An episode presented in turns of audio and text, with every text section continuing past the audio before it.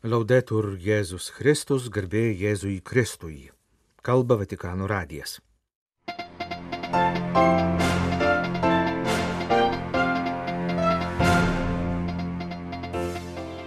Kartu su Jėzumi peržvelkime kiekvieną savo dieną, paragino popiežius Pranciškus sekmadienį, prieš vidudienio maldą sakytoje kalboje komentuodamas Evangelijos pasakojimą apie Emauso mokinių susitikimą su prisikėlusiuoju. Po vidudinio maldos popiežius pasveikino Vengrijos katalikus, pas kuriuos lankysis nuo ateinančio penktadienio iki sekmadienio. Popiežius taip pat prašė melstis už kenčiančius Ukrainos žmonės ir už taiką Sudane. Balandžio 23-oji tai Jurginės, popiežiaus Pranciškaus vardo diena. Savaitė Lietuvoje mūsų bendradarbis Gedrius Tamaševičius apžvelgs, ką praėjusiomis dienomis spaudos ir interneto svetainės rašė apie bažnyčios Lietuvoje gyvenimo įvykius. Kreipdamasis į maldininkus ir turistus sekmadienio vidudienį susirinkusius į Šventojo Petro aikštę, popiežius komentavo Mišių Evangeliją, pasakojančią apie prisikėlusio Jėzaus susitikimą su Emauso mokiniais.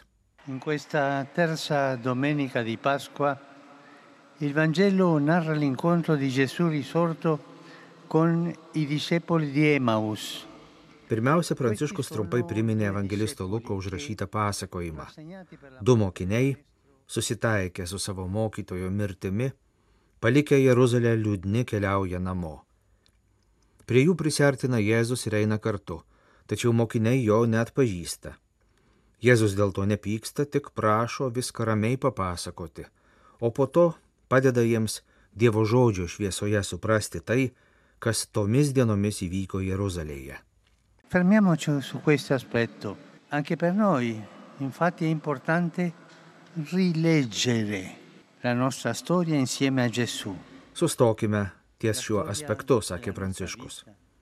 Mums taip pat svarbu kartu su Jėzumi iš naujo perskaityti savo istoriją. Mūsų gyvenimo, mūsų dienų istoriją su visais nusivylimais ir viltimis. Ir mes, kaip tie mokiniai, galime pasijusti pasimetę įvykių akivaizdoje. Vieniši ir nesaugus, turintys daugybę klausimų ir rūpeščių. Šiandienos Evangelija kviečia mus viską nuoširdžiai papasakoti Jėzui, nebijant jo sutrikdyti, nebijant ką nors netaip pasakyti, nesigėdijant, kad kažko nesuprantame. Popiežius priminė, kad nuo seno krikščionių dvasinė tradicija žino vieną labai paprastą būdą tai padaryti - sąžinės patikrą. Ši praktika ir yra būdas peržvelgti dienos įvykius kartu su Jėzumi, atverti jam savo širdį, patikėti jam savo pasirinkimus, baimės, nuopolius ir viltis, mokytis į viską žvelgti ne tik savo, bet ir jo akimis. Possiamo così rivivere l'esperienza di quei due discepoli Taip mes išgyvensime tų dviejų mokinių patirtį, sakė Pranciškus. Kristaus meilės šviesoje atrasime naują prasme. La luce del crocifisso risorto, che sa fare di ogni caduta un passo in avanti. Prisikėlęs nukryžiuotasis, kiekvieną mūsų nuopolį gali paversti žingsniu į priekį. Tačiau jei norime, kad tai vyktų, turime nusimti šarvus Turime duoti laiko ir vietos Jėzui, nieko nuo jo neslėpti, leisti širdžiai virpėti nuo Jėzaus žodžio ir meilės dvelgsmo. Popiežius ragino netidėlioti šios galimybės ir kas vakarą savęs klausti, kokia buvo mano diena, kas buvo vertinga, už ką turiu dėkoti, ar tame, ką dariau, buvo šiek tiek meilės kokie buvo mano suklupimai, abejonės ir baimės, dėl kurių man reikia Jėzaus pagalbos, kad jis man atvertų naujus kelius, pakeltų mane ir padrasintų. Marija Vergine Sapienti ci aiuti a riconoscere Gesù che cammina con noi. Marija, išmintingoji mergelė, padėk mums atpažinti Jėzų, kuris eina kartu su mumis. Padėk mums kiekvienos savo gyvenimo dienos įvykius apmastyti jo akivaizdoje. Malda baigė Pranciškus. Benedicat vos, omnipotens Deus, Pater et Filius et Spiritus Sanctus. Amen. Amen.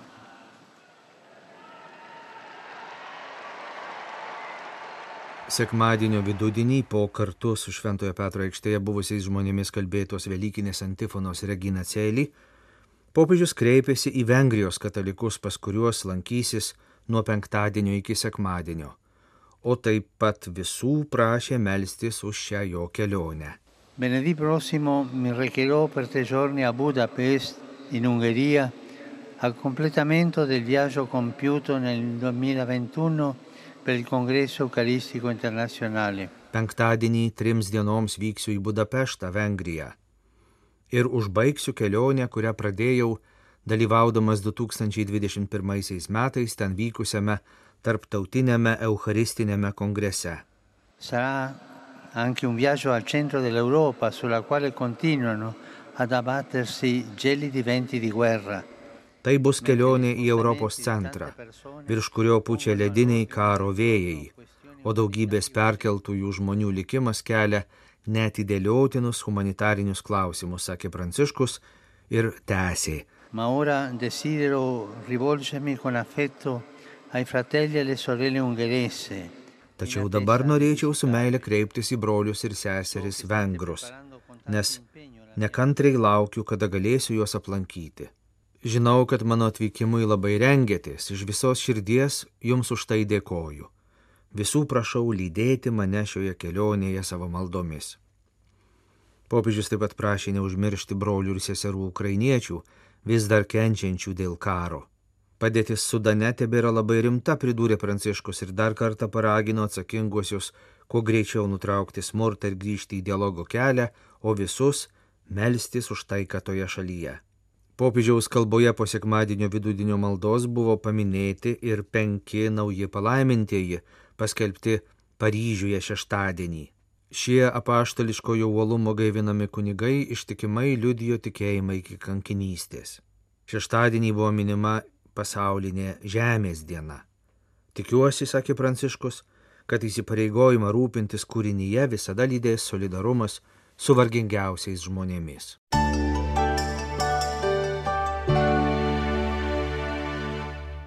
Balandžio 23 dieną bažnyčios liturginis kalendorius kasmet mini Šventąjį Jurgį.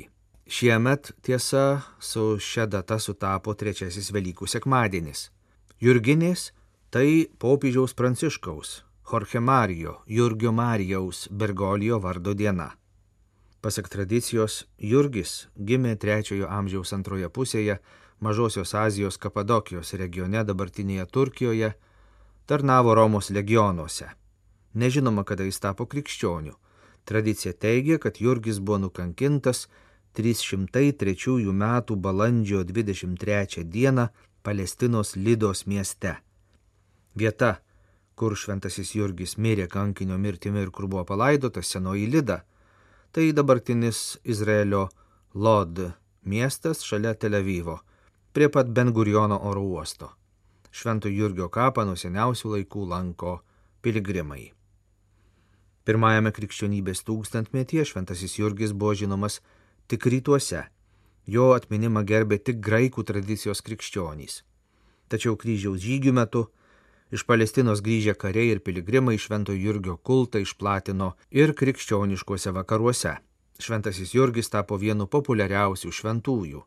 Šventasis Jurgis, kovojantis su velnė simbolizuojančiu slibinu, tapo dažnu heraldiniu ženklu.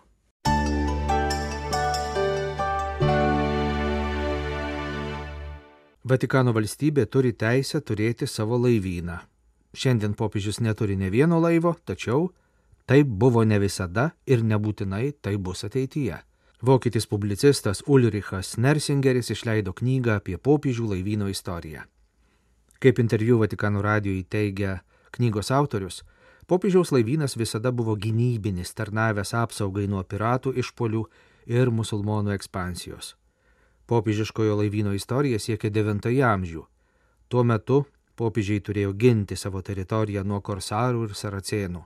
Jie buvo tiesiog priversti sukurti nedidelį laivyną. Vienas popiežių, Jonas VIII, netgi asmeniškai vadovavo savo laivynui. Tai visada buvo gynybinis laivynas. Jis niekada nedalyvavo puolamuosiuose karuose. Pats didžiausias mūšis, kuriame dalyvavo popiežiaus laivynas, 1571 metais įvyko prie Lepanto, per kurį sutriuškintas Osmanų imperijos laivynas daugiau nebekėlė grėsmės viduržėmio jūroje.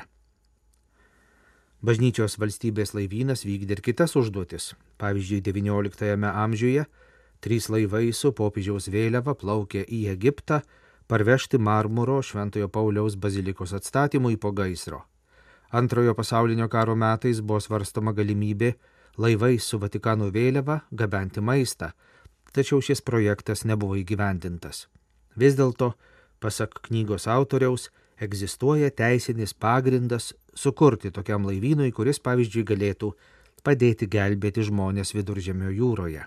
Ulrichas Nersingeris rašo, kad nors 1940 metais iškeltas pasiūlymas naudoti laivus su Vatikano vėliava humanitariniai pagalbai gabenti nebuvo įgyvendintas, tačiau jau 1951 metais popiežius Pijus XII sudarė komisiją, kuri apsvarstė tokią galimybę ir buvo priimtas įstatymas dėl galimos laivybos su Vatikano vėliava.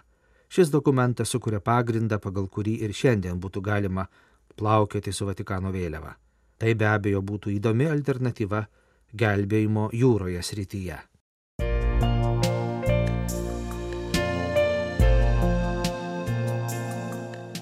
Jūs klausotės Vatikano radio. Tęsėme žinių laidą lietuvių kalba.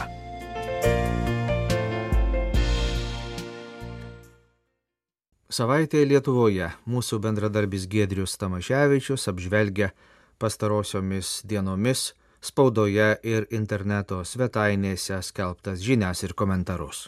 Prieš dešimtmetį, 2013 m. balandžio 23 d.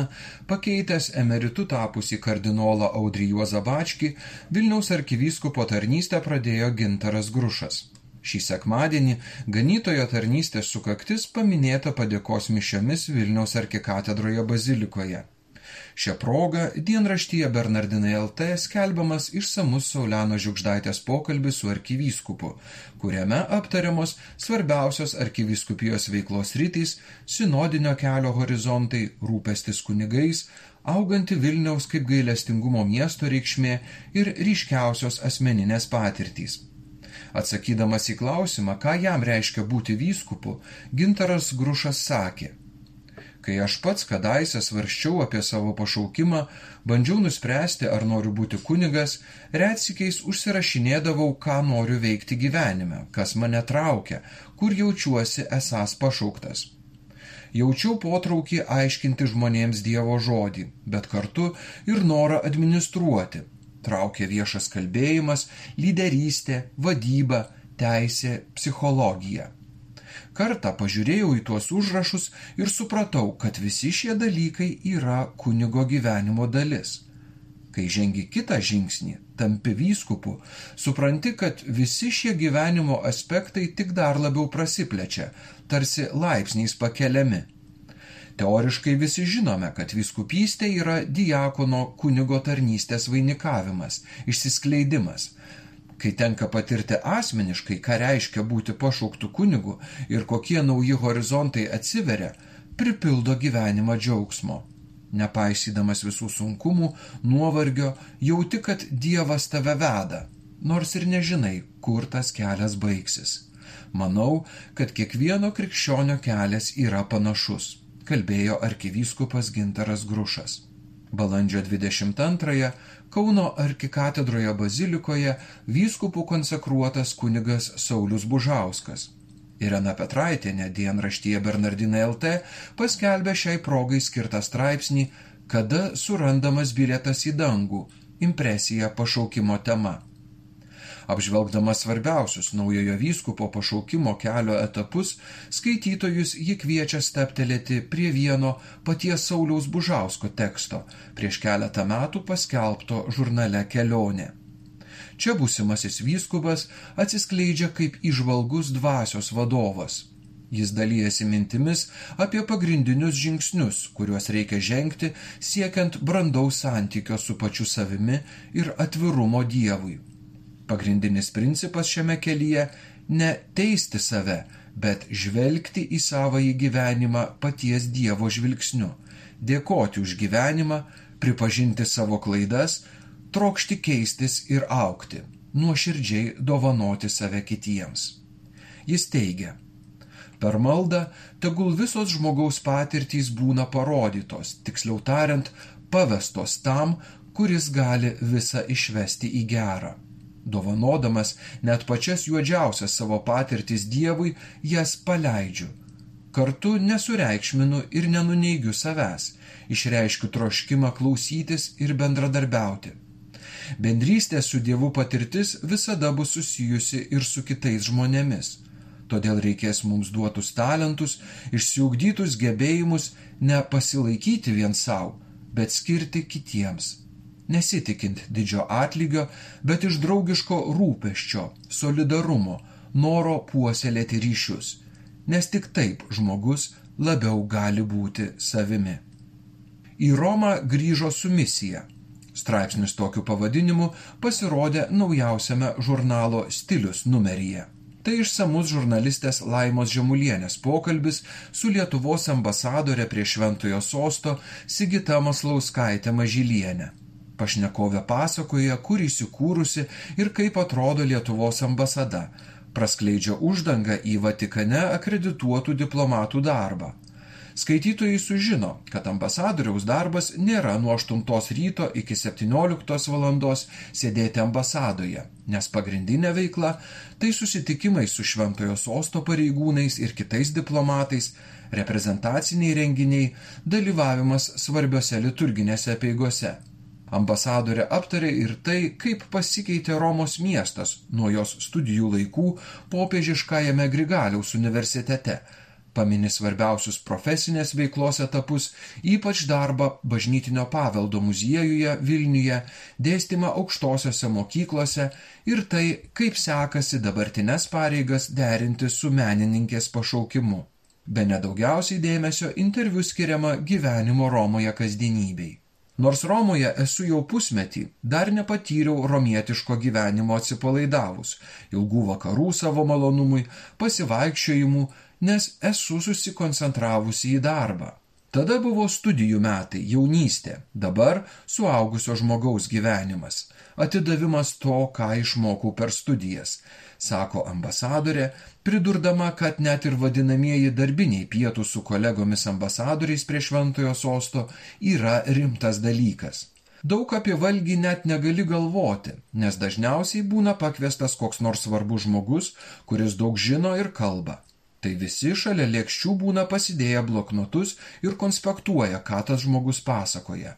Atmosfera būna draugiška, gali klausti, kas tau neaišku, maistas trečioje vietoje, bet būna skanus patiekalai šalia bloknotėlio. Interviu žurnalui stilius pasakojo ambasadorė Sigita Maslauskaitė Mažylienė. Čia Giedrius Tamaševičius iš Vilniaus.